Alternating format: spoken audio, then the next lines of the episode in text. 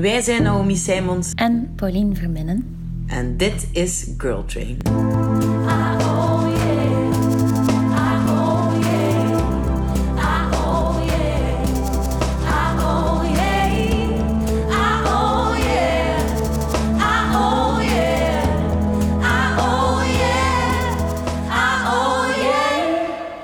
Iedereen en welkom bij alweer een nieuwe Girl Train. Vandaag maken we kennis met filosoof Lisbeth de Kok, die een kritische blik werpt op onder andere de pathologisering van de vrouwelijke woede. Dalila Hermans is terug. Eline Adam vertelt ons over leven naar je overtuigingen en Lauren Hever heeft het over Scandinavië en over vrouwen op topfuncties in de privé.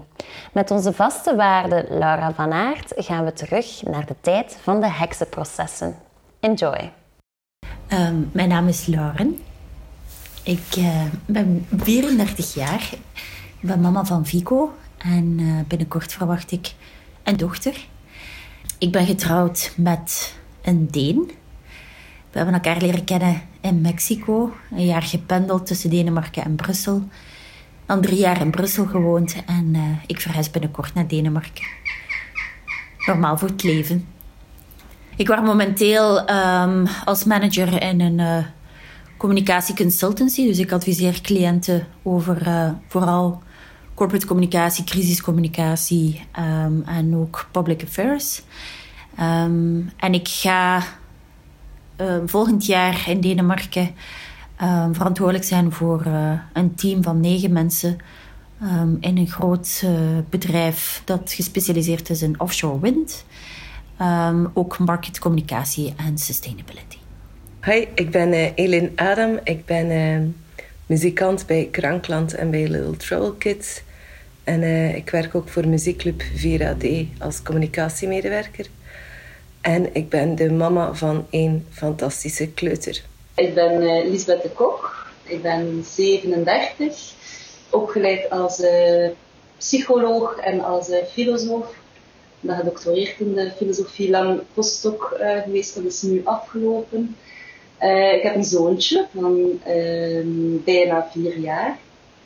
Um, en ik ben als filosoof um, gespecialiseerd in geschiedenis en filosofie van de, van de psychologie.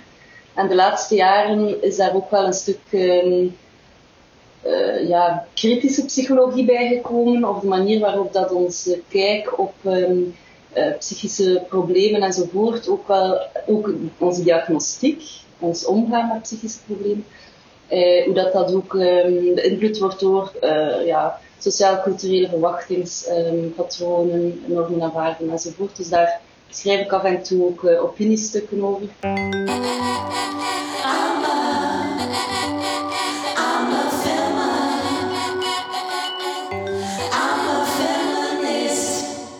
Eigenlijk heel actueel waar dat je ja. mee bezig bent. Want er zijn toch wel heel veel vraagstukken die zich nu stellen, ethisch dan. Voilà, ja, en ik denk dat dat bij mij ook... Um... Ja, ik zeg het, ik had heel lang in de geschiedenis gezeten. Ik vind dat ook belangrijk, historische kennis zo. Hè, van, je kunt maar weten waar dat je bent, als je weet waarvan je komt. Maar het verlangen om bezig te zijn zo met, met kritiek, uh, met, met ethiek ook, met maatschappijkritiek, waren echt altijd maar groter. En dat is de laatste tijd wel, of de laatste jaren wel... Uh, veel belangrijker geworden. Dat ik denk ook um, dat er een aantal tendensen zijn die daarvoor um, gezorgd hebben. Ook ja, niet alleen binnen de psychologie, psychiatrie, maar in het algemeen ook um, verrechts zijn. Alleen een aantal. Ja. Ja. Wanneer zijn u daar bewust van geworden? Van ik wil iets doen dat van maatschappelijk belang is. Dat is mijn interpretatie van filosofie. Hè. Ik vind dat absoluut maatschappelijk zeer relevant. Ja, ja. Ik denk niet dat dat in de ogen van iedereen de meest nuttige studie is die je kunt kiezen. Maar... maar ja, als je zegt maatschappelijk engagement en, en, en, filosofie. Ik denk de behoefte aan filosofie is er bij mij gekomen eigenlijk vanuit dezelfde behoefte dat ik, filo, dat ik psychologie begin studeren ben. Maar ik heb daar geen antwoord gekregen op de vragen waarmee dat ik daar kwam. Want het cliché is van mensen die psychologie gaan studeren, hebben zelf problemen die ze willen begrijpen, of, of moeders of vaders met problemen, mm -hmm. en die willen zorgen voor mensen. Ja. Hè? Uh, bij mij zal dat deels ook wel zo een beetje geweest zijn, maar ik had echt een enorme ga, hoe moet ik het zeggen, een vraag naar ehm, ja, meer zo existentiële vragen. En allee, die zware vragen ook zo. Wat is het subject? Wat is, en, en direct ook de vragen die ik daarna mee, waar ik daarna mee bezig was. Wat is normaliteit? Wat is abnormaliteit? Wat kunnen we doen voor mensen in nood? En ik vond daar eigenlijk in de psychologie, ik moet daar eerlijk in zijn, heel weinig antwoorden op. Heb je dat in de, in de filosofie wel gevonden? Veel meer, ja.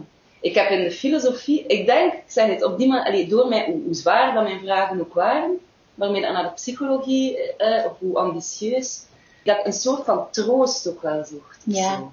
En dat heb ik wel, allee, dat je in de filosofie, je begint ook met die antieke uh, wijze, Ja. die stoïcijnen en zo, dat ging over levenskunst. Allee, dat ging Dat over- is ook, hè.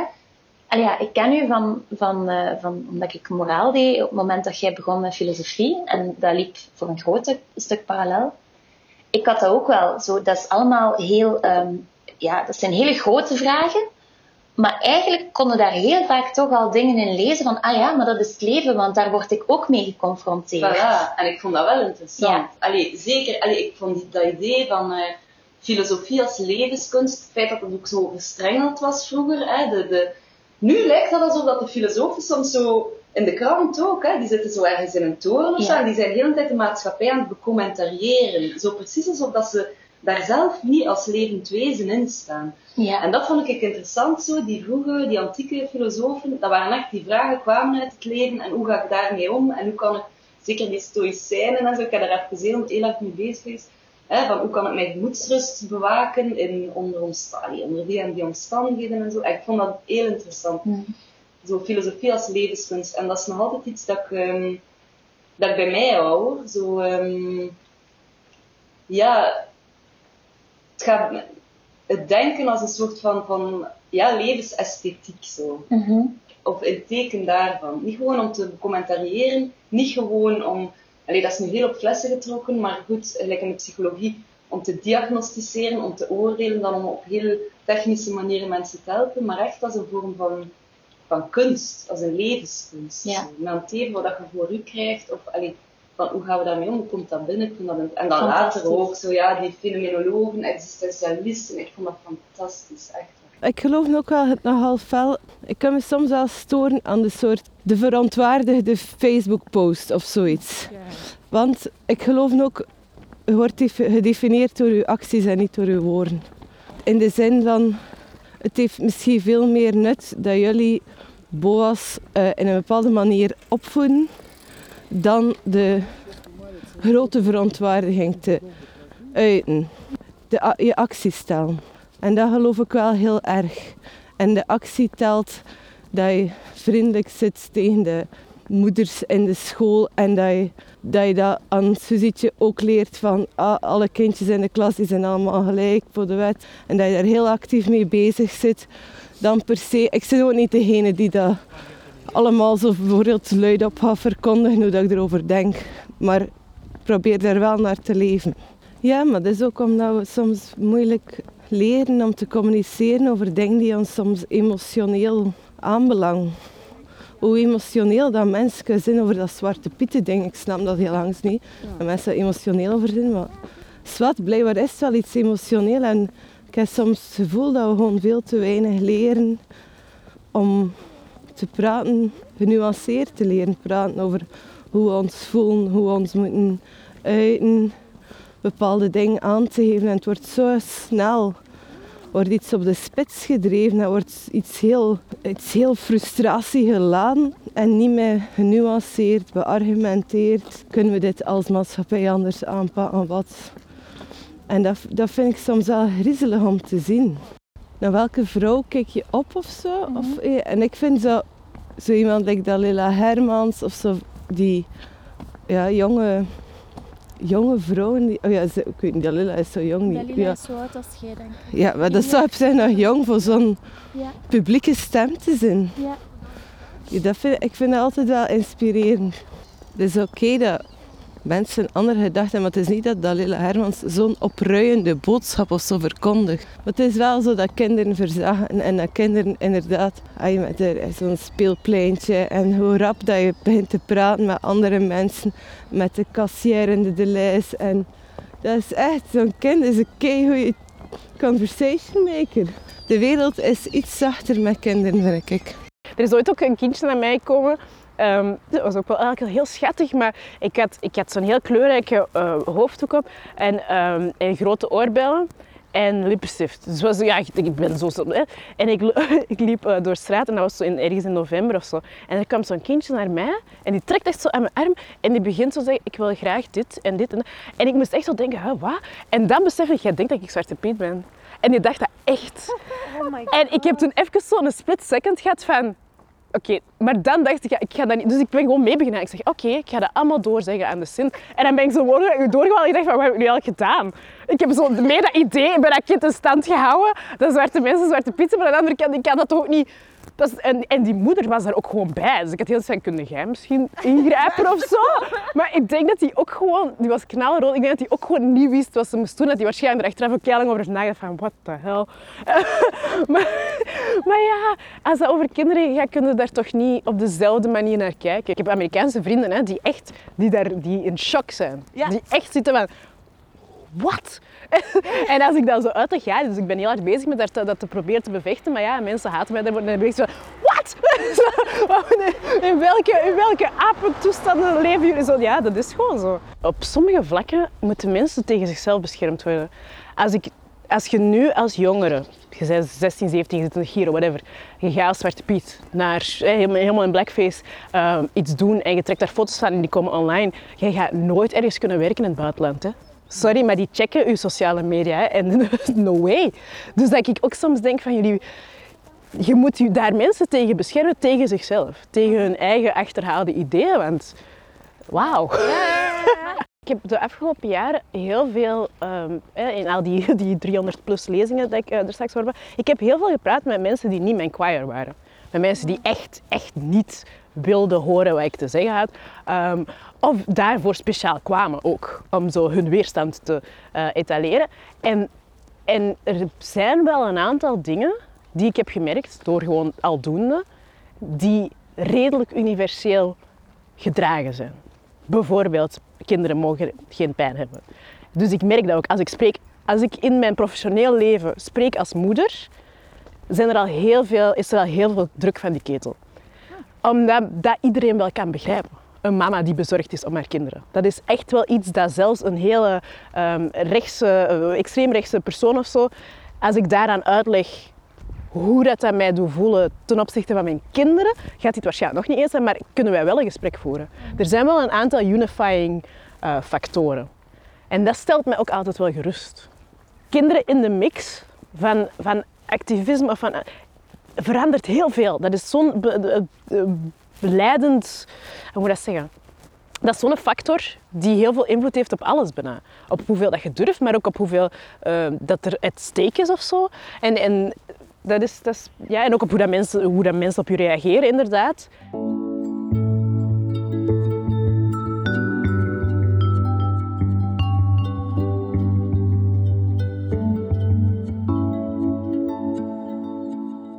Er is onderzoek gebeurd. In, in de Verenigde Staten krijgen alle uh, orkanen een naam. Um, en ze hebben ontdekt dat uh, vrouwelijke orkanen dus verwoestender zijn dan mannelijke orkanen. En dat komt omdat bij een vrouwelijke orkaan gaan ze minder snel actie ondernemen. Omdat ze denken dat het niet zo hard zal toeslaan. En dat is dus compleet irrationeel, maar dat zit dus zo hard ingebakken in hoe dat wij denken over gender, dat je dat er op geen 10, op geen 20, op geen 100 jaar gaat uitkrijgen. En dat dat heel, heel lang gaat duren. En dat zit ook heel hard ingebakken in onze taal, hoe dat wij spreken. Een sterke vrouw wordt een, vrouw met ballen aan haar lijf genoemd. En of een harde tante. Allee, je hebt zo heel veel van die uitspraken waarbij dat we gender gaan toewijzen aan bepaalde eigenschappen. En bijvoorbeeld in Zweden zijn ze wel bezig om een taal eigenlijk aan te passen om meer genderneutraal te zijn. Dus hebben ze daar bijvoorbeeld een, een uh, ja, hebt hij en zij, maar hebben ze ook hun. En dat wil zeggen um, eigenlijk een genderneutraal persoonlijk voornaamwoord. Bijvoorbeeld, ze hebben ook, en de Denen lachen daarmee met de Zweden. Uh, want die zijn, ze gaan echt heel ver. Bijvoorbeeld, ze hebben ontdekt dat bepaalde treinstations de toiletten waar dat de, de vrouwentoiletten waar dat ze zich bevinden, dat dat discriminerend is. Zijn ze bijvoorbeeld toiletten aan het verplaatsen, zodat dat meer genderneutraal zou zijn. En ze doen dat met heel veel zaken. En je kunt daarmee lachen. Ik denk dat wij daar nog lang niet zijn. Maar ik denk hoe dat onze wereld geconstrueerd is, is heel diep ingebakken in het verschil tussen mannen en vrouwen. En als we dat verschil willen wegwerken, dan moet je wel zulke dingen beginnen doen. Je kunt biologie niet ontkennen, maar ik denk gender, dat is niet zo binair. En ik denk dat dat ook niet zo belangrijk meer gaat zijn in de, in de wereld waar we naartoe gaan. Allee, met 15 dagen ouderschap, vaderschapsverlof gaan we daar ook niet, niet gaan komen. Hè? En één vrouw op 20 van de Bel 20 is CEO. Hey, we hebben nog een lange weg te gaan. Het is sowieso al moeilijker als vrouw om op academische topposities of zo terecht te komen. Maar dan gaan eigenlijk de, eigenschappen van een man die hem tot een leider maken, hè, dominant, assertief, uh, van zich afbijten, zich niet laten doen, uh, misschien ook wel heel viriel en een womanizer die zijn mannelijkheid echt uitspeelt. Diezelfde eigenschappen worden bij vrouwen volledig anders gepercipieerd. Ja. Dat is ook aangetoond, dat zit ook, uh, ja, um, diezelfde eigenschappen maken eigenlijk de geschiedenis uit van de heksen, de hysterische vrouwen, nu de borderline categorie, zijn allemaal zeer de kwaaie vrouwen. Zo, hè. De kwaaie, assertieve, misschien ook te verleidelijk. Hè. Ja. Dat komt er ook. Hè. Terwijl Poetin, die zit in blote bast op zijn Op een paard. dat is verschrikkelijk. Ja. Dus ik wil maar zeggen, je voelt dat ook, of ik heb dat ook gevoeld, eerder via, via ik het, microagressies hoor. Dat je dan met mannen in discussies zit en je stelt je assertief op, maar daar wordt toch anders naar gekeken van een vrouw. Dus als een vrouw assertief doet of, of dingen, ja, dat wordt zo een beetje, dat wordt gezien niet als een teken van kracht en stap, maar eerder tegenover. Pedant. Pedant, labiel, hysterisch. Mm dus dat voel ik ook wel. Het is veel moeilijker als vrouw om, om, om ernstig genomen, eh, maar veel meer, ik mocht de stem niet te veel verheffen, maar ook niet te weinig of ze luisteren niet. Er was heel veel, maar dat was ongelooflijk mensplaining. En mensen die letterlijk mijn doctoraatsonderwerp aan mij kwamen uit, uitleggen zo. Dat is letterlijk, want dat is letterlijk het eerste hoofdstuk van, uh, van Men Explain Things to Me. Echt? Dus dat. maar dat is en ja, je zit daar dan op te kijken en denkt, oké, okay, ça va.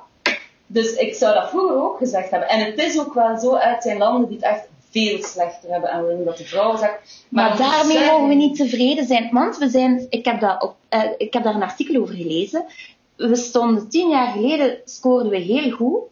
En nu doen we het nog altijd niet slecht, maar we doen het niet beter dan toen. Nee, ik denk dat het te maken heeft met het feit wat ik daarnet ook zei, van, dat we soms denken, oh, we zijn er. Mm -hmm. Er komt af en toe iemand van... En dan worden ingehaald. er komt ja. Terwijl die, die belachelijke dingen, gelijk als, als filosoof, uh, je moet je veel meer bewijzen, je moet ook laveren tussen, uh, tussen die, die subtiliteiten, dat je gedrag, ja, je assertief gedrag of je, je, je vurigheid helemaal anders geïnterpreteerd wordt. Mm -hmm. Dus je moet, je moet het zeggen, niet te luid, niet te stil, je moet... Um, allez, en dan voelde dat wel van, het, er is echt uh, werk aan de winkel. Uh, en ik zeg het, academie, wat we daarnet ook zeiden, zo van, dat wordt ook in stand gehouden door vrouwen. Hè. Ik ben, er zijn niet veel vrouwen uh, in topposities in filosofie sowieso.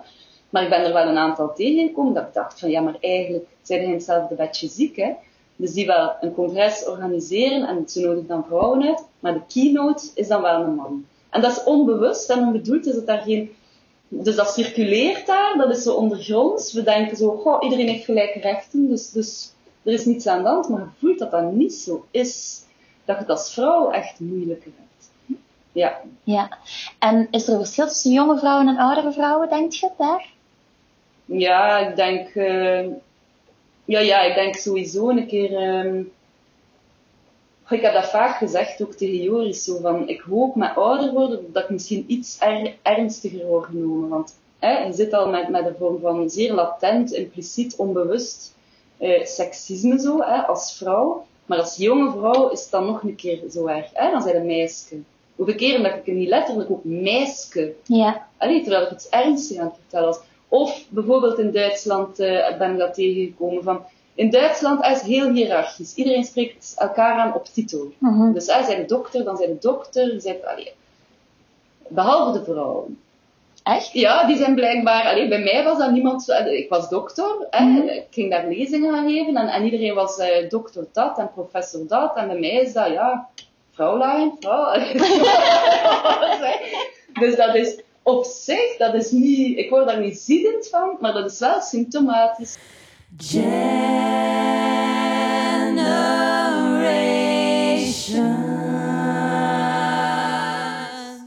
Een, een, eh, een zeer vrouwelijke vervolging die, die, we, die we kennen uit de geschiedenis is toch de heksenvervolging. Ja, ja absoluut. Eh, nu, wel eventjes duidelijk maken, er zijn ook mannen als heks eh, vervolgd, veroordeeld, terechtgesteld. Hè? Dus, en, en, en redelijk veel uiteindelijk. Hè? En ook verbrand. Ja, en ook verbrand, absoluut, ook verbrand.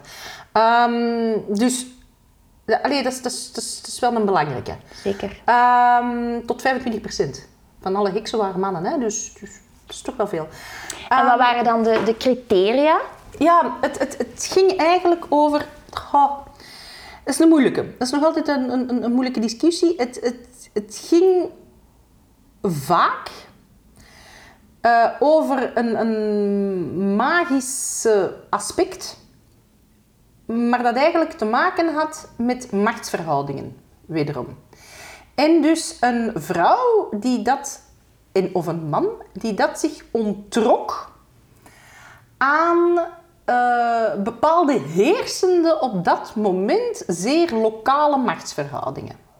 Eh, vandaar het cliché van de oude vrouw alleen in haar huisje in het bos buiten het dorp. Ja. Omdat met de fysieke afstand heb je natuurlijk ook een onttrekken aan de controle. De sociale controle, inderdaad. Dus een niet meegaan in een verwachtingspatroon en dus in bepaalde machtsverhoudingen. Maar wat heeft dat dan met magie te maken? Wel, de magie, alles was doordrongen van magie. Dus het idee van ook, ehm, het christendom was op dat moment, ja, dat, dat, dat was ook magisch. Hè? Ik bedoel, het, het, het feit dat je nog altijd vandaag voor een heilige kunt gaan bidden om iets. Ehm, het, het feit dat er relieken bestaan die dat je kan aanraken eh, en die dat zouden genezende krachten hebben. Dat zijn allemaal magische elementen. Nu, er werd van uitgegaan, en dat heeft weer te maken met de positie van de vrouw, dat de vrouw alleen niet kan overleven. Dus die vrouw alleen die dat dan wel overleeft, en die dat dan vaak nog eens de rol opneemt van vroedvrouw en of kruidenvrouw, heeft daardoor een status die dat zich onttrekt aan de rest van de verhoudingen van het dorp. Zij, wordt, zij, is, zij is geen leider, maar zij is een noodzakelijk element En, ook, en heeft toch ook wel veel invloed. en heeft een indirecte invloed, zouden kunnen zeggen. Geen rechtstreekse, maar een indirecte, want de zwangere vrouwen willen eigenlijk allemaal liefst door de goede vroedvrouw geholpen worden. Tuurlijk, maar dat is ook iemand... Ja, dat is misschien ook mijn hedendaagse blik, maar ik denk dat dat misschien wel iets universeels is. Als je zwanger bent, dat je wilt raad krijgen. Ja, dat, je, absoluut. eh, dat je eigenlijk aan die persoon met wie dat je dan in gesprek gaat over die zwangerschap, over hoe dat je jezelf moet verzorgen, dat je daar ook wel heel intieme dingen aan toevertrouwt. Absoluut. En dat geeft dan een, een, een, een machtsbasis die dat parallel ligt. En dan wordt het moeilijk. En dan wordt het moeilijk. En dan is het soms makkelijker als er dan ja, dingen gebeuren. En vandaar dus ook ja, die klassieke link met vroedvrouwen, kruidenvrouwen enzovoort. Ja, eh, sterfte in het kinderbed kwam heel vaak voor. Eh, de dood gewoon door infectieziekte kwam heel veel voor. En werd dat dan op die vroedvrouwen Voilà. gestoken? Ja. Want hè, je hebt dat al zo vaak gedaan. En je hebt zoveel gezonde kinderen op de wereld gezet en die van mij, die van mij is dat niet gezond. En die van mij is gestorven, of mijn vrouw is gestorven, of dit of dat of zus of hetgeen. Eh, heel mooi trouwens, eh, helemaal in het begin van eh, het boek van Jeroen Olieslagers. Ja, ja, ik heb hem gelezen. Wilde vrouw. Ja. Daar heb je dus inderdaad ook de man die dat zijn derde vrouw dan verliest, die dat zich afreageert op de vroedvrouw. Hè. Ja, ja, ja. Dat is eigenlijk een, een heel... Het is heel mooi beschreven. Ook zijn, interne, zijn ja. interne strijd. Ja, Zijn ratio tegen zijn emoties. ja, ja, ja, wat er allemaal door zijn hoofd gaat. Maar dus ook het, aan wie, over wie braakt hij het dan uit? Over de vroedvrouw. Over de vroedvrouw. Ja. Want zij zou ervoor moeten hebben zorgen dat dat Moest niet er, nog voordat je het zei, was eraan aan het denken. Ja, ja, maar dat is, een, dat, dat is heel goed geschreven. Dat Ja. Maar waren, waren heksen altijd vroedvrouwen? Nee, nee, absoluut niet, absoluut niet. Er waren gehuwde vrouwen bij, er waren jonge vrouwen bij, er waren eh, oudere vrouwen bij. Ehm, soms was er een link met seksualiteit, vaak ook niet. Ehm, Promiscuïteit. soms wel, soms niet. Eh, heel moeilijk daar een lijn in te trekken. Heel moeilijk daar een lijn in te trekken. Eigenlijk vrouwen die, die, de, die de machtsstructuur een beetje in de weg stonden. eh, ja, maar zelfs niet altijd. Zelfs niet altijd. Ehm, op den duur werd- was het ook een hele gemakkelijke gil geworden.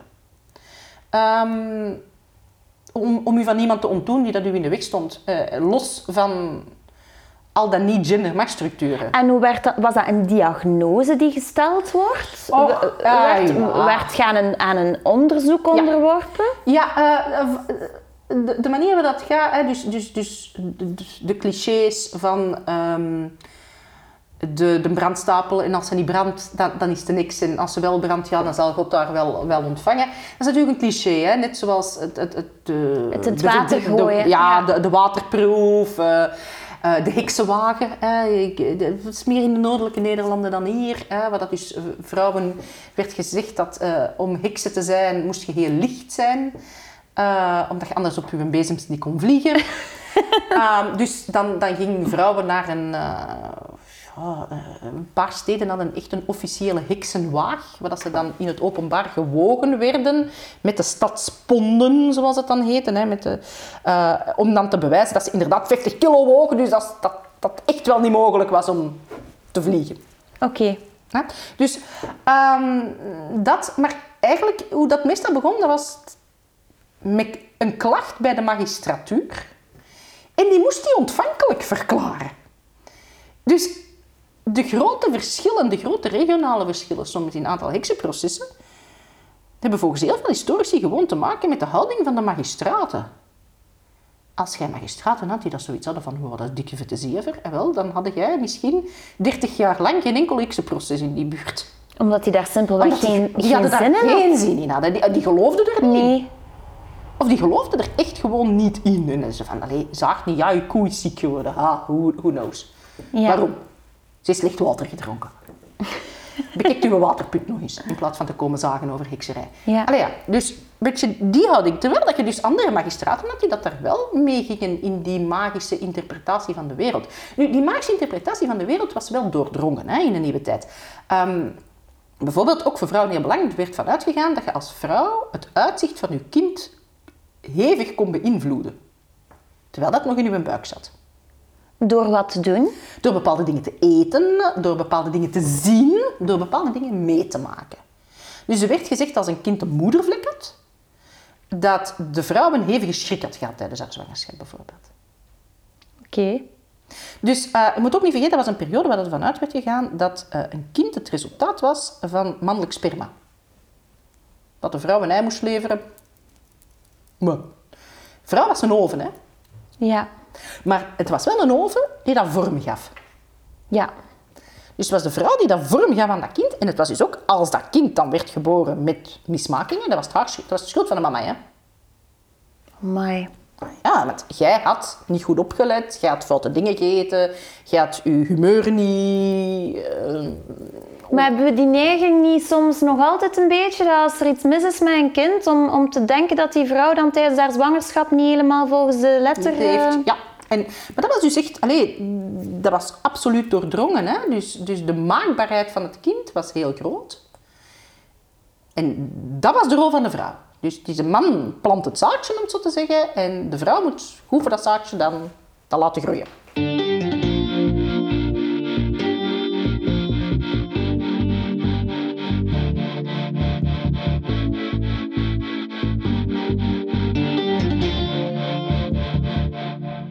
Denk dat we meer moeten mensen aan de top brengen op basis echt van hun competenties, eerder dan wat dat, je denkt dat er verwacht wordt van een persoon. Er wordt nog heel vaak gekeken naar, ja, als er, als er zware beslissingen moeten gemaakt worden, dan wordt heel vaak gekeken naar, naar een, een, een man of een, een, een sterke leider. Maar dat wordt heel vaak op buikgevoel gedaan, vind ik. Dat is eigenlijk gewoon perceptie soms. Allee, ook heel vaak niet, hè. Dus ik, ik probeer... Eh, ik wil ook niet te ongenuanceerd zijn, maar... Het is wel, onderzoek heeft uitgewezen dat bijvoorbeeld organisaties waarbij dat het heel slecht gaat en waarbij dat kalf eigenlijk al verdronken is, dan worden de vrouwen aan boord gehesen. Dan worden vrouwen CEO's. Meestal zijn dat Mission Impossibles en meestal doen zij wel een semi-goede job. Kijk naar uh, Theresa May. Kijk naar uh, Sophie Dutoré van de, de NMBS. Ik denk dat er een aantal voorbeelden zijn van, van organisaties die het heel lastig hebben. En dan, dan komt de vrouw op het uh, voorplan. Ik denk dat dat komt doordat er dan tien mannen hebben nee gezegd en dan uh, een vrouw ja zegt. Ik denk dat een vrouw misschien minder nadenkt over van... Oké, wat moet ik hierna dan doen, gaan doen? Of hoe ga ik hieruit komen? Eerder dan van... Oké, dat lijkt mij een gigantische uitdaging. Ik ga ervoor. Ik, ik heb het antwoord niet, hoe dat we daaruit moeten geraken. Het is wel zo dat ik heb nog even opgezocht, Bel 20, één, één vrouw. Fortune 500, 6% vrouwen. Ik heb ook um, gevonden dat in heel veel organisaties, middelmanagement, daar is er wel een 50-50. Dus vrouwen groeien door tot middelmanagement. En ze zeggen dat dat komt doordat een middelmanager, dat moeten vooral goede coaches zijn, vooral people managers zijn. Mensen die een team kunnen motiveren en dat team kunnen doen slagen. Maar een CEO die moet harde beslissingen maken. En daar kijken ze dan nog altijd meer naar, naar een man. En ik denk als we blijven cirkeltjes draaien rond vrouwelijk man, leiderschap versus eh, mannelijk leiderschap. Ja, dan ga je als vrouw je nooit echt klaar voelen om, om, om CEO te gaan, te, te gaan worden. En ik vind in Denemarken bijvoorbeeld, vond ik dat dan wel. Ik heb onlangs daar een uh, meeting gehad met een vrouwelijke CEO. En die was ongelooflijk hard aan het stoeven op zichzelf. En ik heb al in veel meetings gezeten waarbij dat ik dat mannen heb zien doen, maar eigenlijk nog weinig waarbij dat ik dat vrouwen heb zien doen. En ik zat met allemaal Denen rond de tafel en niemand had daar een probleem mee. En die had ook terecht, en die, die zei van oké, ik, ik sta waar ik sta omdat ik gewoon goed ben in wat ik doe. En bij een man, en ik heb ook al vaak uh, sollicitatiegesprekken gedaan waarbij dat mannen dat, dat zeggen en waar dat ik ook dacht van had jij nu een vrouw geweest, had hier niet mee weggekomen. En we pikken er gewoon meer van, van, van mannen als van vrouwen. En dat is gewoon cultureel. En als je kijkt naar Denemarken, dan, daar staan ze al gewoon al veel verder. Heel veel van mijn Deense vrienden die kinderen hebben gekregen, die gewoon niet meer terug willen gaan werken. Hè. Die, die, die zeggen, voor mij is dat niet meer zo belangrijk. Dus het is niet dat alle vrouwen in Denemarken hyperambitieus zijn. Hè. Helemaal niet. Maar ambitieuze vrouwen, die worden daar helemaal niet afgerekend op, op hun vrouw zijn dat zijn gewoon ambitieuze mensen. Die hard werken en, en, en promotie maken en eventueel wel op een bepaald moment baas worden. Het is als vrouw ook moeilijk hè, om door het plafond uh, te ja. raken. Dus je zit al in een echt in een mannencultuur. Het is zo, hè? Ja. Het is echt een. Uh... En zit je daarin hoopvol dat dat aan het veranderen is of helemaal niet? Ik ben ja, een, stuk, een stukje hoopvol, omdat ze wel overal quota nu aan het invoeren zijn. En je ziet ook op de vacatures, en ik vind dat heel goed, hè, dat, dat er heel dikwijls bij staat van vrouwen worden in het bijzonder aangemoedigd om uh, te solliciteren. Dus dat er wel een bewustzijn is Ja. van er is een probleem. Anderzijds, uh, dus dat is hoopvol. Hè. Ik denk dat dat ook nodig is, hoor, die quota, anders verandert er niets. Hè. Dus als je niet verplicht van je moet naar zoveel, verandert er niets, dan blijft alles zoals het is. Wat ik dan enig voorbehoud bij heb, um, is het feit dat die stereotype denkbeelden, die, ja, alles waar dat we het over gehad hebben, hè, vrouwelijke woede, denk, Mhm. dat dat eigenlijk nog onder de radar blijft, dat daar weinig mee gedaan wordt. In academia ook, hè, dat, er, dat er weinig gedaan wordt aan, aan uh, ja, seksistisch, vrouwenvriendelijk gedrag. Dus dat blijft eh, doorbestaan. En dan ook, net zoals in andere carrières, moederschap. Hè? Ja, dat, ik sowieso toekomen. Ja, dat is... Dus ik, ik heb dat daarnet ook zitten denken van, het is al moeilijk genoeg, hè, zonder te zeggen van, het is hier allemaal eh, miserie en, en dingen, absoluut niet. Hè. Ik heb dat graag gedaan, maar goed gevoel wel als vrouw staat er voor een aantal uitdagingen. Mhm. Hè. Dus je moet waardoor bewijzen, je moet laveren, eh, je mocht niet hysterisch genoemd worden, niet preuts, niet te promiscu, niet te daar, niet te... Ja, maar ja, dus je moet Mhm. daar allemaal op letten. Het is al in die zin moeilijker en je moet dikwijls meer doen om je te bewijzen eh, dan de man, om op hetzelfde punt te geraken. Als je moeder wordt, heb ik het gevoel, wordt het zeer moeilijk. Wordt het echt zeer moeilijk. En ik, heb dat bij mijzelf, maar ik heb het ook gezien in mijn omgeving. Hè. En je hebt al... Academia is zo competitief. Hè. Mhm. Dat is echt... eh, Sowieso, ja. ja. is zeer competitief. Dus het is al zeer moeilijk dat je daar... eh, met dat mooie feit eigenlijk, hè, van die zwangerschap, die bevalling. Maar goed, daar zitten al met, met een, een, een breuk. Dus je moet er even uit, wat dat op zich al ja, een risico is voor je carrière. En dan heb je, en dat is natuurlijk in andere beroepen ook zo, maar daar heb ik daarnet echt zitten over nadenken van, kijk, dus je hebt die zwangerschap, hè, die bevalling, en dan heb je het probleem van ouderschapsverlof, hè, dat je dus, je zit eh, thuis, je man of je partner gaan een paar dagen weer gaan werken, jij zit thuis met je kind, dat is op zich wel tof, maar daar begint er een patroon dat je moeilijk weer kunt doorbreken. Jij staat er eigenlijk alleen voor, omdat dat zo geregeld is. Niet omdat je man van slechte wil is of lui is, maar goed, er wordt wel van u verwacht van, kijk, jij blijft thuis met dat kind en die man gaat dus... Jij leert die zorgbehoeften van dat kind goed kennen. Het kind leert ook om u te gebruiken als eerste adres. Je, eh, jij weet wat dat er moet gekocht worden, wat dat er moet gebeuren worden, wat dat er moet gegeten worden enzovoort. Uw man is daar minder in mee. Maar je, of je partner, en je, ehm, je begint daar een patroon dat heel moeilijk te doorbreken is. Dus wat gebeurt er dan? Je komt dan weer eh, in uw werk, op uw werk, en dat is overal zo, dat is niet alleen academia. Je bent er al uit geweest, dus je bent eigenlijk al professioneel wat kwetsbaar geworden, en je bent overbelast. Maar je moogt er nog een keer die disproportionele zorgtaak, die dikwijls blijft, hier is dat ook zo, ik moet dat eerlijk zeggen, hoewel dat, dat ik voor mijn partner weinig te klagen heb, maar goed, dat blijft wel nazinderen. Hè. Die eerste maanden, dat dat zo verdeeld is, Mhm. dat blijft wel nazinderen. Dus vanaf, vanaf dat moment komt er een enorme taak op je schouders. Dus je hebt niet alleen je carrière weer recht te trekken, want ze is even eh, in slaap gevallen. Je moet dat dan nog combineren met de meerderheid van de zorg eh, voor je kind. En op dat moment zie je en begrijp dat ook, dat veel vrouwen zeggen van oké, ik ga voor een minder ambitieuze job. Of ik ga dat hier terugschroeven. Deeltijds gaan werken. Ja. Maar dat kan in bepaalde functies niet. Je kunt niet deeltijds CEO kan- zijn, hè? Nee, ik kan ook niet deeltijds academicus zijn. Hè. Nee. Dat gaat niet. En ik moet zeggen, ik heb dat enorm gevoeld. Allee, Zou je dat willen? Mocht dat kunnen? academicus? Ja, mocht je, zo, ja. mocht je daarvoor kunnen kiezen, van ik ga het nu vier vijfde doen?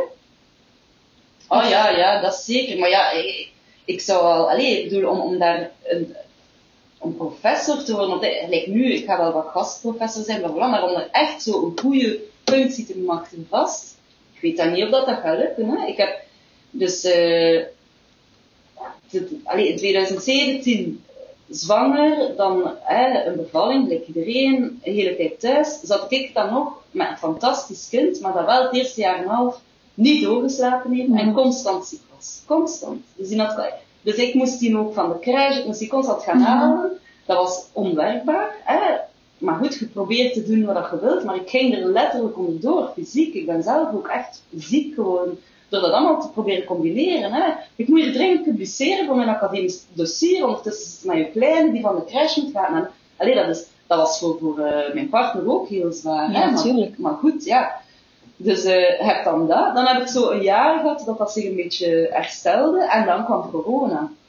Ja, en sindsdien ben ik wel zo wat van, ja goed, ik weet niet wat ik er zelf nog van, van kan verwachten. Hè. In België hebben wij 14 weken moederschapsrust. Heeft de man 10 dagen vaderschapsverlof. 15 dagen sinds januari. En dan heeft de man en de vrouw eigenlijk evenveel recht op ouderschapsverlof. Nu, daar is iets fundamenteel fout mee. Eén, de moederschapsrust is eigenlijk te kort. Ehm, een kind van drie maanden naar de crash, dat is eigenlijk... Allez, ik vind dat persoonlijk ook veel te vroeg. Een baby eh, die is echt nog te jong. Die moet nog veel uh, interactie krijgen um, om taalontwikkeling, motorische ontwikkelingen. En in een crash is daar gewoon te weinig tijd voor. Ik weet het niet. Ik heb soms het gevoel dat Boas net sneller motorisch um, is ontwikkeld door met oudere kindjes in de crash te zitten. Dus dat weet ik niet. Maar ik weet wel dat voor mij als moeder dat mijn kind um, naar een crash brengen de eerste keer en de keer daarna ook. Dat went en dat wordt makkelijker. Maar ik, um, ik vergelijk het nog altijd met de film uh, Blackfish over orka's die van hun kalf gescheiden worden. En het, het geluid dat ze dan maken is hetgeen wat het best het, het gevoel benadert van uw kind naar een crash brengen in het begin. Dus gevoelsmatig zit daar voor mij ook wel iets fout met die drie maanden. En um, die baby's liggen daar eigenlijk gewoon maar een hele dag. Ik vind dat zelf, uh, nu dat ik moeder ben, ben ik ervan overtuigd dat kinderen langer bij de ouders moeten zijn. Maar dat ouderschapsverlof, hoe lang dat een kind bij de ouders zijn, dat kun je perfect verdelen onder de vader en de moeder, of de moeder en de moeder, of de vader en de vader, wat dan ook. En dat gebeurt niet vandaag de dag. Wij duwen eigenlijk moeders zo snel mogelijk terug naar het werk. Wij leggen dat kind in de crash. En dan, ja, dat ouderschapsverlof, dan wordt dan doorheen allez, de komende twaalf jaar zo misschien hier en daar is opgenomen. En als een vader ouderschapsverlof aanvraagt, dan wordt dat toch nog in veel gevallen een beetje afgekeurd. Ik heb het in mijn dichte omgeving ook meegemaakt, waarbij dat een vriend van mij ouderschapsverlof aanvroeg. En dat was niet op veel begrip, um, werd op veel begrip weerhaald. En in Denemarken is dat helemaal anders. Daar blijft de vrouw standaard zes maanden thuis. Een kind kun je pas eigenlijk vanaf een jaar naar de crash sturen. En wordt het ouderschapsverlof verdeeld tussen de man en de vrouw. En wat dat je ziet, is al die emoties die, die, die eigenlijk hormonaal tevoorschijn komen als je een baby hebt gehad en die in je armen legt. Um, mannen krijgen dat ook als zij lange tijd met een baby doorbrengen. En die kunnen ook een zeer nauwe band krijgen met hun kind. Maar daar is wel wat tijd voor nodig. Ze moeten eerst wel wat tijd met elkaar doorbrengen. En daarom is dat zo belangrijk dat wij ook um, eigenlijk het uh, vaderschapsverlof op gelijke voet moeten stellen als het moederschapsverlof. En zo lost je ook het probleem op op de werkplaats. Dat je um, misschien geen vrouw wilt aanwerven omdat het risico is dat ze zwanger zal worden. Of dat je ja, geen vrouw wilt aanwerven omdat het risico is dat ze misschien uh, nog veel ouderschapsverlof gaat opnemen. Of deeltijds wilt gaan werken. Als je dat kunt verdelen, dan is er ook minder discriminatie op de werkvloer. Want mannen kunnen dan even goed een verlof opvragen als vrouwen. Het moet betaalbaar blijven. Ik denk dat we eerst wel onze arbeidsmarkt en onze... Allee, we moeten allemaal langer werken om dat betaalbaar te houden. En ik denk, als je doorheen je loopbaan die rustmomenten hebt kunnen inplannen, dan kun je ook langer werken. Maar wat dat mij stoort, wat dat mij stoort is dat als, als je zegt van kijk, ik denk alles is gedaan, alles is in orde, ik ga nu naar huis om voor mijn kind te gaan zorgen in bepaalde sectoren wordt dat gezien als een teken van zwakte, of als een teken van gebrek aan ambitie, of als een teken dat je niet goed meent met je job en dat je daar dan niet lang meer gaat gaan blijven. En dat is fout. Allee, ik, ik ben zo, en dat heb ik ook al geleerd, ik, ik werk heel hard, maar als, er, als alles in orde is en ik heb even niet zo heel veel werk, dan ga ik naar huis en dan ga ik daarvan profiteren. En als er, als er een crisis is in het weekend en of, of tijdens kerst of nieuwjaar, um, ik sta daar voor mijn klanten. Maar ik ga niet op kantoor blijven zitten tot zes uur, omdat dat van mij verwacht wordt. En dat is wel in veel sectoren is dat wel nog zo dat, dat je, als je kiest voor je gezin, dat dat meteen wordt gezien als iemand die niet voor zijn carrière wil gaan. Daardoor is het net belangrijk dat je ook een voorbeeld uh, voor, voor je team. Als, jij, als je baas altijd tot acht uur op kantoor blijft en jij wilt om vier uur naar huis om je kinderen te gaan halen, ja, dan voelt jij je automatisch ook slecht. Terwijl als jij een baas hebt die zelf durft kiezen voor het gezin en toch toont dat hij resultaten kan boeken, dat hij ervoor gaat, dat hij ambitieus is, dat hij vooruit wil met het team, ja, dan zet je een voorbeeld voor, voor veel andere mensen. En het is dat dat we net ontbreken. Het is dat dat we nu zo hard missen. En dat zijn die rolmodellen. En ik zeg niet dat dat enkel vrouwen moeten zijn, maar dat zijn ook, ook mannen. Wat dat we zien is dat heel veel vrouwen die, die bijvoorbeeld wel voor een carrière gaan, die hebben ook nog een man die ook nog een carrière heeft. En waarbij dat er dan heel veel zorgtaken ofwel worden geoutsourced of gewoon ja, door misschien wat minder worden gedaan. En ik vind dat wel, ik denk als we meer vrouwen aan de top willen, dan, dan moeten we ook meer aandacht hebben voor de mannen. Voor de mannen om hun ook de vrijheid te geven en de ruimte te geven om bijvoorbeeld. Allee, want we hebben die verwachtingspatroon van vrouwen dat zij zorgtaken opnemen.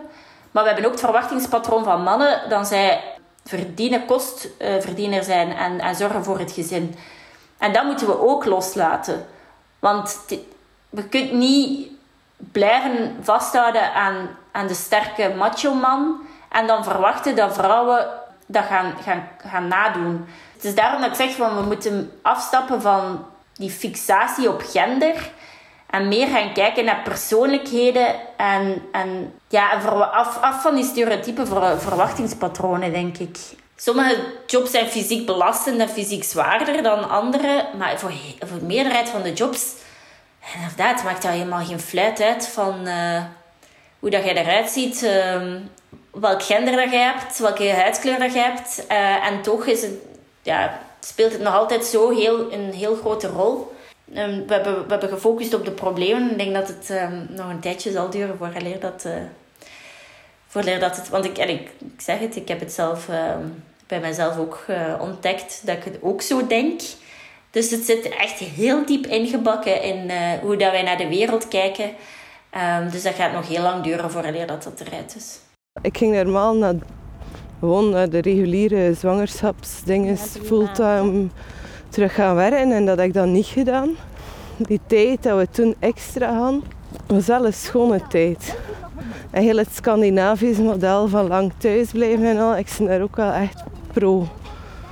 Door die ervaring ook. Mijn ouderschapsverlof was eigenlijk sowieso verlengd met de tijd dat zij in het ziekenhuis lag. Dat is een, iets dat automatisch gebeurt. Thomas is niet zo heel veel uit huizen gaan werken.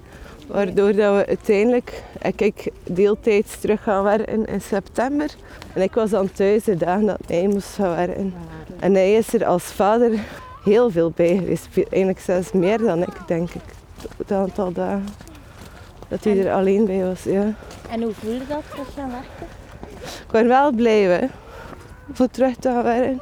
Ik ben ook blij dat ze zo lang is thuis geweest, maar ik ben ook content voor. Het was eigenlijk ook iets uh, normaal dat opnieuw begon. Ja, en ook wel je zelfontplooiing als moeder. Toch wel wat. Ook wel een kleine wereld of zo, zo met een pas geboren kindje. Maar. Het was niet dat het moest of zo, het was welkom dat er was. Ja, we hebben daar een beetje in ons hoofd wel, zo die, die cliché ja, genderrollen. En we hebben, we hebben zo geprobeerd om uh, genderneutraal speelgoed en zo te kopen. Maar we merkten gewoon heel snel dat het toch, toch niet zoveel effect heeft. Ze grijpen toch van, vanzelf naar bepaalde dingen. En, en hoewel er veel overlap is, hè, is niet zo, het is niet de ene met de poppen en de andere met de oudjes, dat, dat, dat mixt wel, maar toch zo van, ja, mijn meisjes zijn toch wel van, ik wil graag een roze jurkje aan. Zo. En dat maakt echt niet zoveel uit of dat ik dat nu tof vind of niet. Dat zit echt wel bij hen erin. Mijn man heeft er ooit, ze hadden hem gevraagd van vaderklap, uh, want hij is zo niet de meest uh, vocale mens of zo. Ja, eigenlijk wel, maar ik bedoel niet in de media. Maar ze hadden hem gevraagd voor zo'n blog uh, om iets te schrijven over genderneutraal opvoeden en over wanneer dat hij besefte dat hij daar, ja, dat daar mee bezig moest zijn. En had dat geschreven op het moment dat Cooper aan hem had gevraagd om zijn nagels te lekken. Want ik weet dat bij Willem er altijd zot van werd dat je dat vroeger deed bij Cooper. Dat hij altijd ziet dat van, jezus, wat dat kind ook. Maar ik denk, ja, voor hem is dat gewoon zoals vingerverf. Hè. Dat is gewoon verf. Um, en had, hij had Cooper aan hem gevraagd. En, en hij zei, op dat moment besefte ik van, voor wat zou ik nu nee zeggen? Wat voor onzin is deze? Dan heeft hem die nagels gelekt en die van zichzelf ook. En dat was al zo'n heel moment of clarity of zo voor hem. Wat ik dat wel schattig vond. Het is inderdaad vaak van buitenaf dat die dingen, die invloeden komen. Dat zit niet, zo, dat zit niet natuurlijk in Ik weet het niet. Als we dan teruggaan naar de, naar de psychiatrie, Mhm. psychologie. Mensen die niet voldoen aan de norm steken we weg. Hè? Ja, ik vind dat heel problematisch. Ik heb, ga nog los van feminisme, of, ik heb daar heel veel problemen mee. Ehm, dat er altijd maar categorieën bij komen, zo. Hè. Ehm, en dat er dan, ik heb het over banale, redelijk banale dingen, hè. bijvoorbeeld hoogsensitiviteit. Ja, bon, zijn we nu allemaal hoogsensitief of zijn we gewoon overprikkeld? Dus allee, dat, dat men eh, daar individuele kenmerken van maakt, terwijl dat ingebed is in, allee, dat zijn, dat zijn sociaal-maatschappelijke problemen, en dat we daar dus niet meer in slagen, of heel moeilijk in slagen, om dat een plaats te geven. Ik heb daarnet gezegd, ik heb heel veel geschiedenis eh, gestudeerd, zo, hè, in psychologie, filosofie. En dat is onwaarschijnlijk hoeveel rare kwieten dat daartussen zitten. Hè? Tussen die grote filosofen, dat je echt denkt, nu, die zitten in de psychiatrie. hè? Nee, maar echt. Een Newton bijvoorbeeld was echt, stond gekend als een heel, ja, ik wil daar ook geen diagnoses op plakken, maar bon, die had wel zo'n soort van psychotische of manische buien en dan weer depressief en dan weer manisch. Schopenhauer, als, die, die heeft zijn buurvrouw, allee, die, die was enorm gevoelig voor geluiden en zo, en zijn buurvrouw was aan het babbelen en is naar buiten en heeft die van de trap gegooid. Allee, hebt er, maar ja, maar dat wordt doorkruist door mensen waarvan dat ik denk of vrees van nu zouden die in de psychiatrie zitten. En dat vind ik eigenlijk erg. Allee, ik heb dat ook gezien aan het, aan het. Bepaalde mensen die binnenkwamen en dat je zei, die zijn eigenlijk ongelooflijk getalenteerd, zijn goed, maar zijn wel, als ze zeggen, zo psychisch kwetsbaar. Ik vind dat eigenlijk ook een onnozele uitdrukking, want dat wil zeggen dat de rest psychisch onkwetsbaar is of zo. Maar dat je wel merkt, dat zijn zeer uitgesproken karakters. Dat is, ik zou het liever hebben over, of in de meeste gevallen, over zeer uitgesproken karaktertrekken. Hè? Mensen die zeer actief zijn, mensen die eerder somber zijn, enzovoort. In plaats van te zeggen, dat is een, een, een deficit, dat is een defect, dus dat is moeilijk te matchen met ehm, bijvoorbeeld academia. Ik, heb, en ik heb nu iemand heel specifiek in gedachten, maar ja, ook iemand met echt wel stemmings... eh, ja, die stemming ging alle kanten op zo, hè. Maar een enorm geheugen, enorm intelligent. ehm, maar die dus gewoon door ehm, de stijl, door ook het feit dat dat redelijk zichtbaar was, moeilijk aan bod kwam. Nu is dat allemaal goed gekomen hoor, maar dat je wel voelde zo van, ehm, van ja, dat is hier te extreem of dat springt te veel uit de band. Terwijl dat dan vroeger degene waren, het gaat hand in hand. Je mocht het niet roma- romantiseren, zo, pathologie. Maar er is wel een ding van dat mensen die extreme dingen gedaan hebben, dikwijls ook extreme karaktertrekken hadden. Dus, allee, en dan heb je het effectief over een Newton, over vroege fysiologen, ongelooflijk, die waren echt, er zaten daar totaal mafkezen bij, echt. Allee, eh, zeer veel, dat was opvallend in de filosofie, zeer veel manisch-depressieve mensen, psychotische, allee, mensen dat je nu psychotisch zou noemen, maar dat hoeft eigenlijk niet te verwonderen. Nee. Je hebt daar allee, schrijvers bij die enorm productief waren, enorm, die waren constant aan het schrijven dan, je moet daar een soort van eh, extreme karaktertrek voor hebben. Ja, je bent geobsedeerd door je, door je Voilà. werk. En dat is bij kunstenaars ook zo. Voilà. En dat heeft natuurlijk dan een keerzijde, dat dat dan mensen zijn die eventueel dan een bepaalde periode niets meer kunnen, of die even... Hè.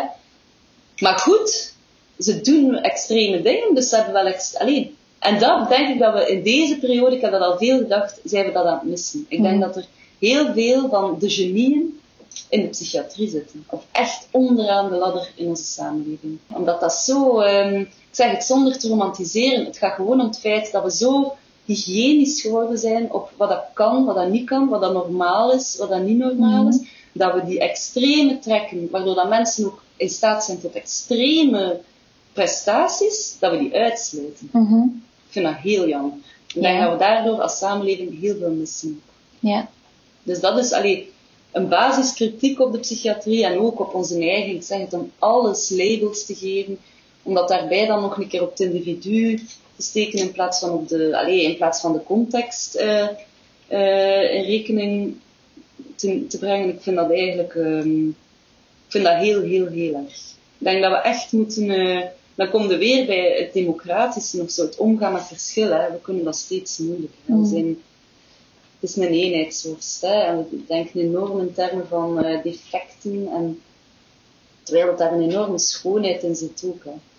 In een extreme, extreme mensen. De kant was extreem. Ik bedoel, als je de geschiedenis bekijkt, Pauline, dat waren allemaal, dat waren mafketen. En nu hebben we dat niet meer. Hè. Ze zeggen dat ook van die grote filosofen, we hebben dat toch niet meer. Ja, nee, maar ja, dat waren ook echt de meeste echt wel redelijk extreme mensen. Hè.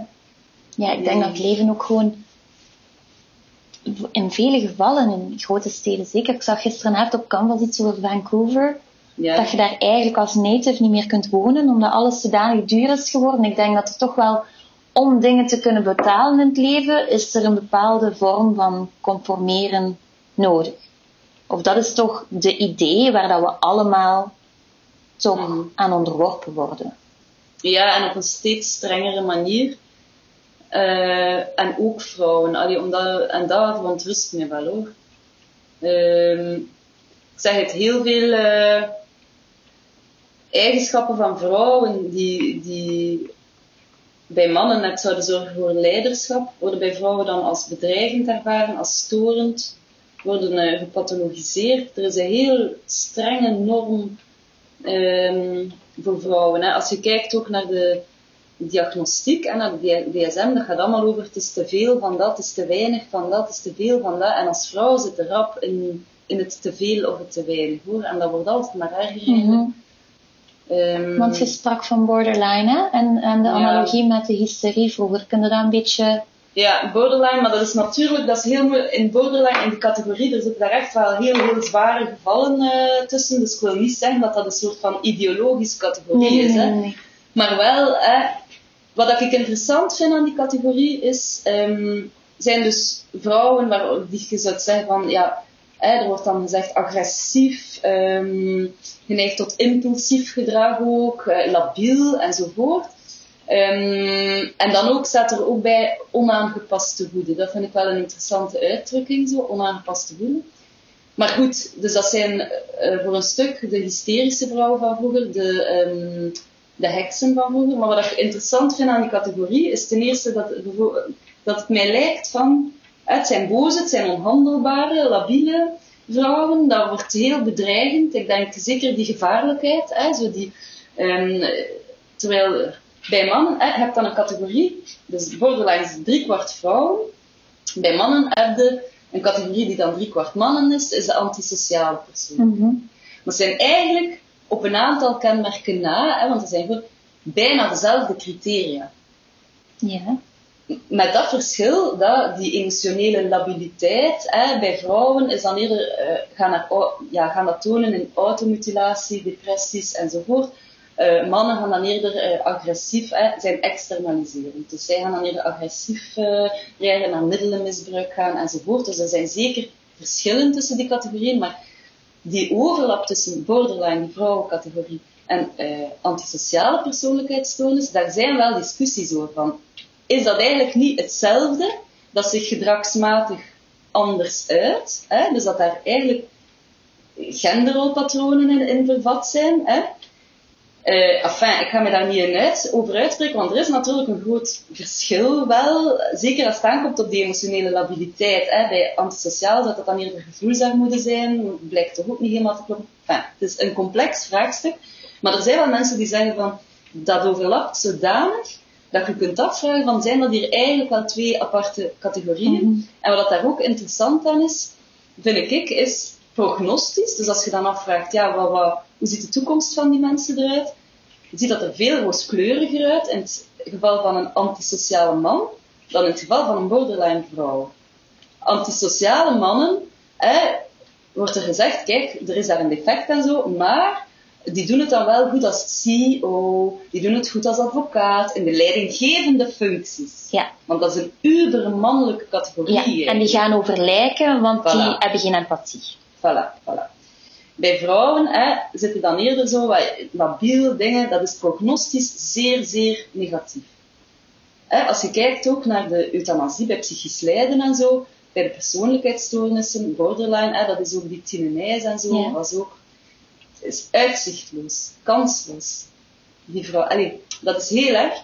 Enfin, dus dat vind ik heel straf. Hè. Dat zijn heel veel dezelfde, ei- 90% overlap, Maar bij vrouwen geeft dat blijkbaar een, een kansloos toekomstbeeld. Bij mannen geeft dat net kans op, je wordt CEO, je wordt advocaat enzovoort. Heb je ook nog bij, en dat is ook aangetoond, vind ik ook zeer interessant, de, de vrouwelijke woede. Hè? Daar wordt heel anders mee omgegaan. Het is al een paar keer teruggekomen, maar heel anders mee omgegaan. eh, dus met die emotie, of uitingen van die emotie, bij mannen en bij vrouwen. In die zin ze hebben dat ook aangetoond dat dat onderhevig is aan wat ze zeggen, zo de fundamentele attributiefout. Hè? Ja. Als een man kwaad wordt, dan gaan we zeggen, ah, die reageert op de situatie. Die, re- die reageert hard en kordaat op de situatie. Want er is iets gebeurd. Voilà. Dus we vinden dat situationeel en we zeggen dan dat is terecht of onterecht. Hè. Maar woede bij mannen percipiëren we als heel gerechtvaardigd en als een reactie op, een, op iets dat aan hem of haar is aangedaan. Eh, hem, hem aangedaan. bij eh, vrouwen eh, kijken we daar heel anders naar. Ze hebben daar veel onderzoek naar gedaan. Bij vrouwen schrijven we dat per definitie toe aan de persoon. Zo, dat is een opvliegende, dat is een theatrale, dat is een ambetante. En we gaan de si- situatie daar veel minder in rekening eh, Ja. brengen. Waardoor dat je ook niet meer de vraag krijgt, is dat hier gerechtvaardigd of niet? Hè? Waardoor dat weer bij het ding komt van mannen die kwaad zijn, zijn stabiele, krachtige mannen. Vrouwen die boos zijn, zijn labiel. En die, allez, bedoel, dat is ongerechtvaardigd ook. Dus je krijgt daar een vorm van, die worden dan minder gehoord ook, worden gebanaliseerd. Hè? Dat leidt tot zo, eh, ja, silencing, wat ze zeggen. Hè? Van, je wordt niet ernstig genomen enzovoort. Het speelt ook door in de psychiatrie natuurlijk. Hè? Borderline, boze vrouwen. Er zitten daar heel veel vrouwen in die misbruikt geweest zijn, met trauma's enzovoort. Gelukkig hebben we heel goede psychologen, heel goede psychiaters die daarop ingaan, die die koe bij de horens vatten.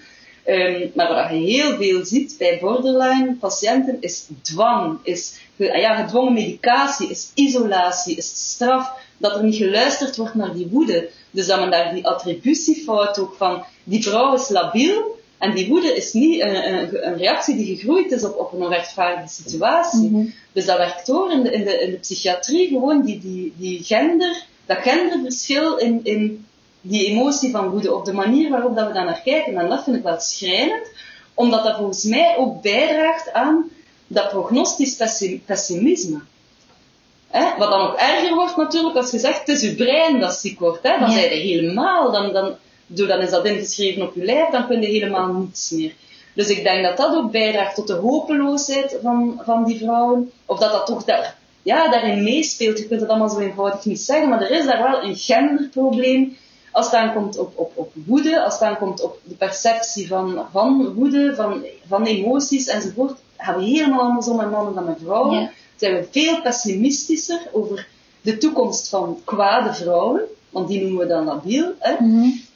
En dan vind ik het heel onrustwekkend, en daar kom ik weer op glad ijs, dat dat dus de categorieën zijn die je ziet terugkomen bij de aanvraag van ehm, euthanasie bij psychisch lijden. Dat vind ik heel...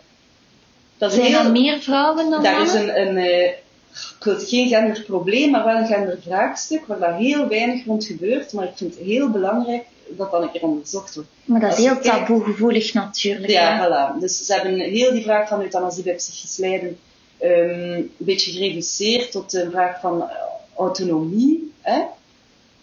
Ik vind dat op zich al om verschillende redenen complex, want hoe autonoom zijde nog? Ehm, ja, als je een autoriteit... Ja, fijn. Ik vind dat een heel complexe dis- discussie, maar ik ga mij concentreren op hetgeen dat ik wil zeggen. En dat is, als je kijkt naar aanvragen, euthanasie bij psychisch enzovoort, je ziet heel veel eh, stemmingstoornissen, drie kwart vrouwen.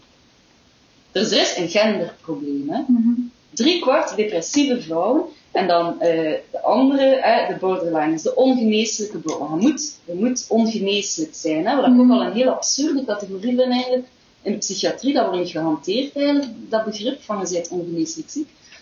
Maar er is een gendervraagstuk waar dat er echt wel onderzoek moet naar gebeuren. Wij moeten dat weten. Hoe komt dat dat die vrouwen dan, ehm, dat er zoveel vrouwen zijn, van waar komt die doodswens dan? Ik heb daar het minimale onderzoek dat er naar gebeurd is, heb ik geraadpleegd. Er zijn ja, feministische hypothesen die zeggen van vrouwen die, die verzorgd moeten worden en diezelfde zorgfunctie niet meer kunnen opnemen, ja, die, die hebben rap een doodswens. Dus het zit op die manier eh, ingebed. Anderen zeggen van ja, vrouwen zijn massaal depressief omdat ze ehm, ja, door, door de sociaal-maatschappelijke ongelijkheden waar dat ze tegen moeten opbotsen. Anderen zeggen van ja, het gaat over het, het, de, de uitzichtloos eigenlijk. De uitzichtloosheid die je hebt als, als vrouw met problemen, die is bij mannen veel minder. Hè? Dus dat pessimisme van je kunt eigenlijk niet veel meer doen. Ik weet het niet. Ik weet het niet en niemand weet het, maar ik vind wel dat het moet onderzocht worden, want er is een zeer duidelijk gendervraagstuk.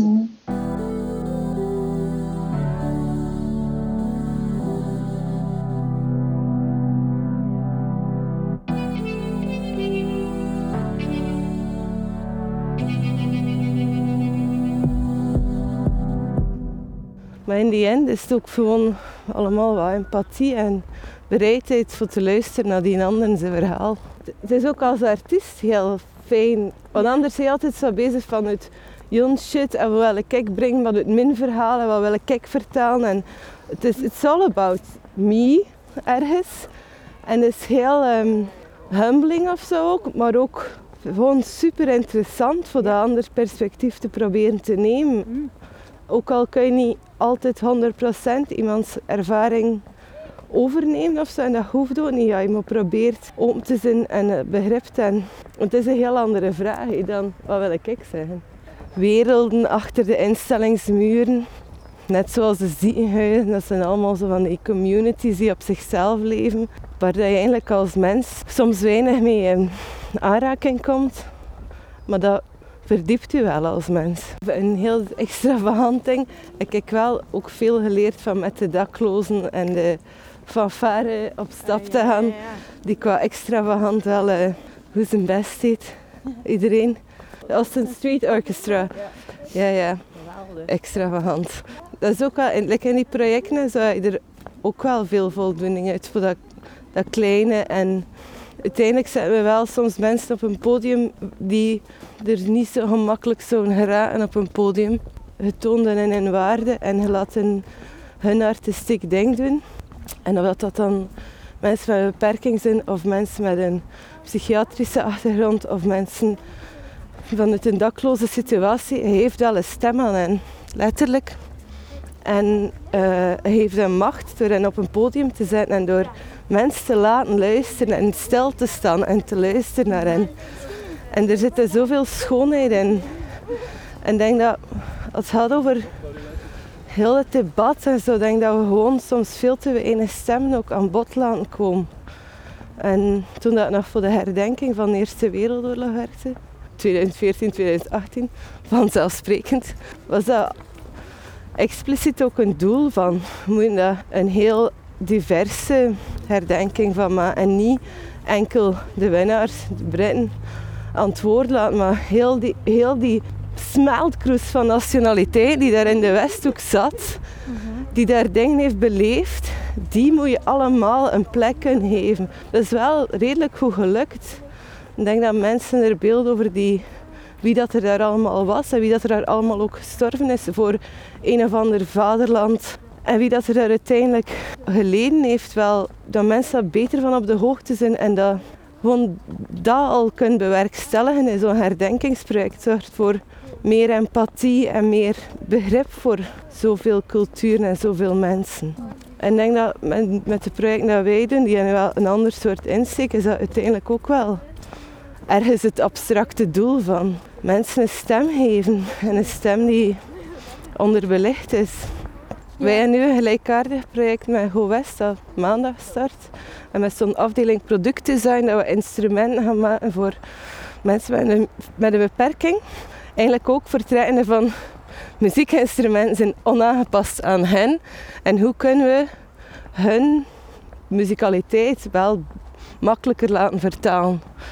En veel technische drempels gewoon wegnemen en hun laten communiceren op hun manier via andere instrumenten. Dus het is wel chic, ik ben curieus wat dat gaat geven. Maar het is wel fijn omdat het ook echt met zo'n productdesign afdeling is. Dus er gaan wel echt dingen gemaakt worden. En ook die, die studenten laten op een andere manier er naar kijken. Ja, ik ben wel echt heel benieuwd. Uh, deze december was zes jaar geleden dat ik mijn eerste open brief geschreven. Dus ik ben al in mijn zes jaar vocaal over dit thema. En als ik zie wat er op die zes jaar is veranderd. Waar dat ze zes jaar geleden, als ik zei, hey, Zwarte Piet is echt gewoon niet tof. Mensen, maar allee, echt mensen in mijn dichte kringen die echt dachten dat ik zot was. Dat ik spoken zag, dat ik dingen aan het verzinnen was. Zes jaar later, we zijn, ik, ik heb nog wel weerstand, maar je, je moet niet meer mensen overtuigen van het feit dat er andere mensen hier een probleem mee hebben. En dat het in mijn hoofd zit. Dat, dat gesprek hoef ik nooit meer te voeren. Dat is een grote sprong hè, op zes jaar.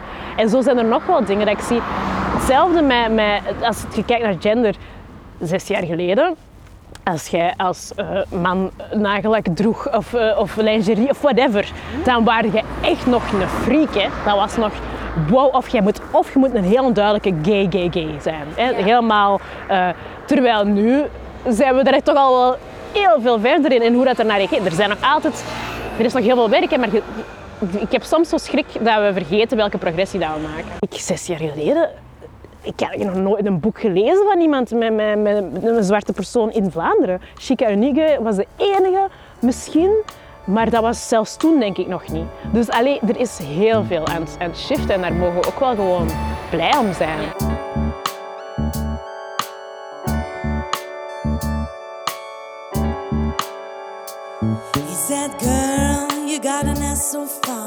Those curves really blow my mind. Guess. But could you call me by my name, please? Please, I said, Please.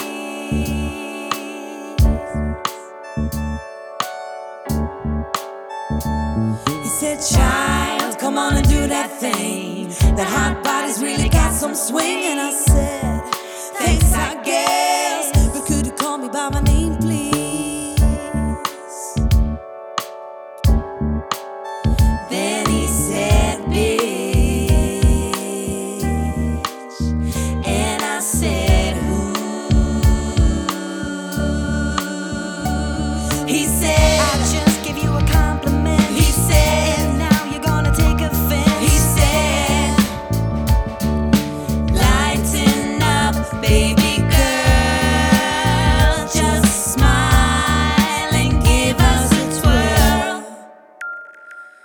There's no harm in looking if you like what you see. But newsflash, there's so much more to me, and you're never gonna get it. Are you ever gonna get it? Uh huh.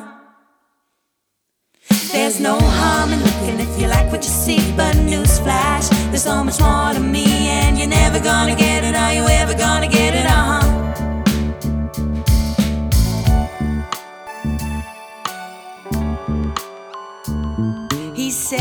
Jack, I see you brought a chick. And I thought to myself, oh, what a dick. Lucky for him, my mama raised me right. But I found it hard to stay polite. I smile and introduce myself, but my new friend just couldn't help.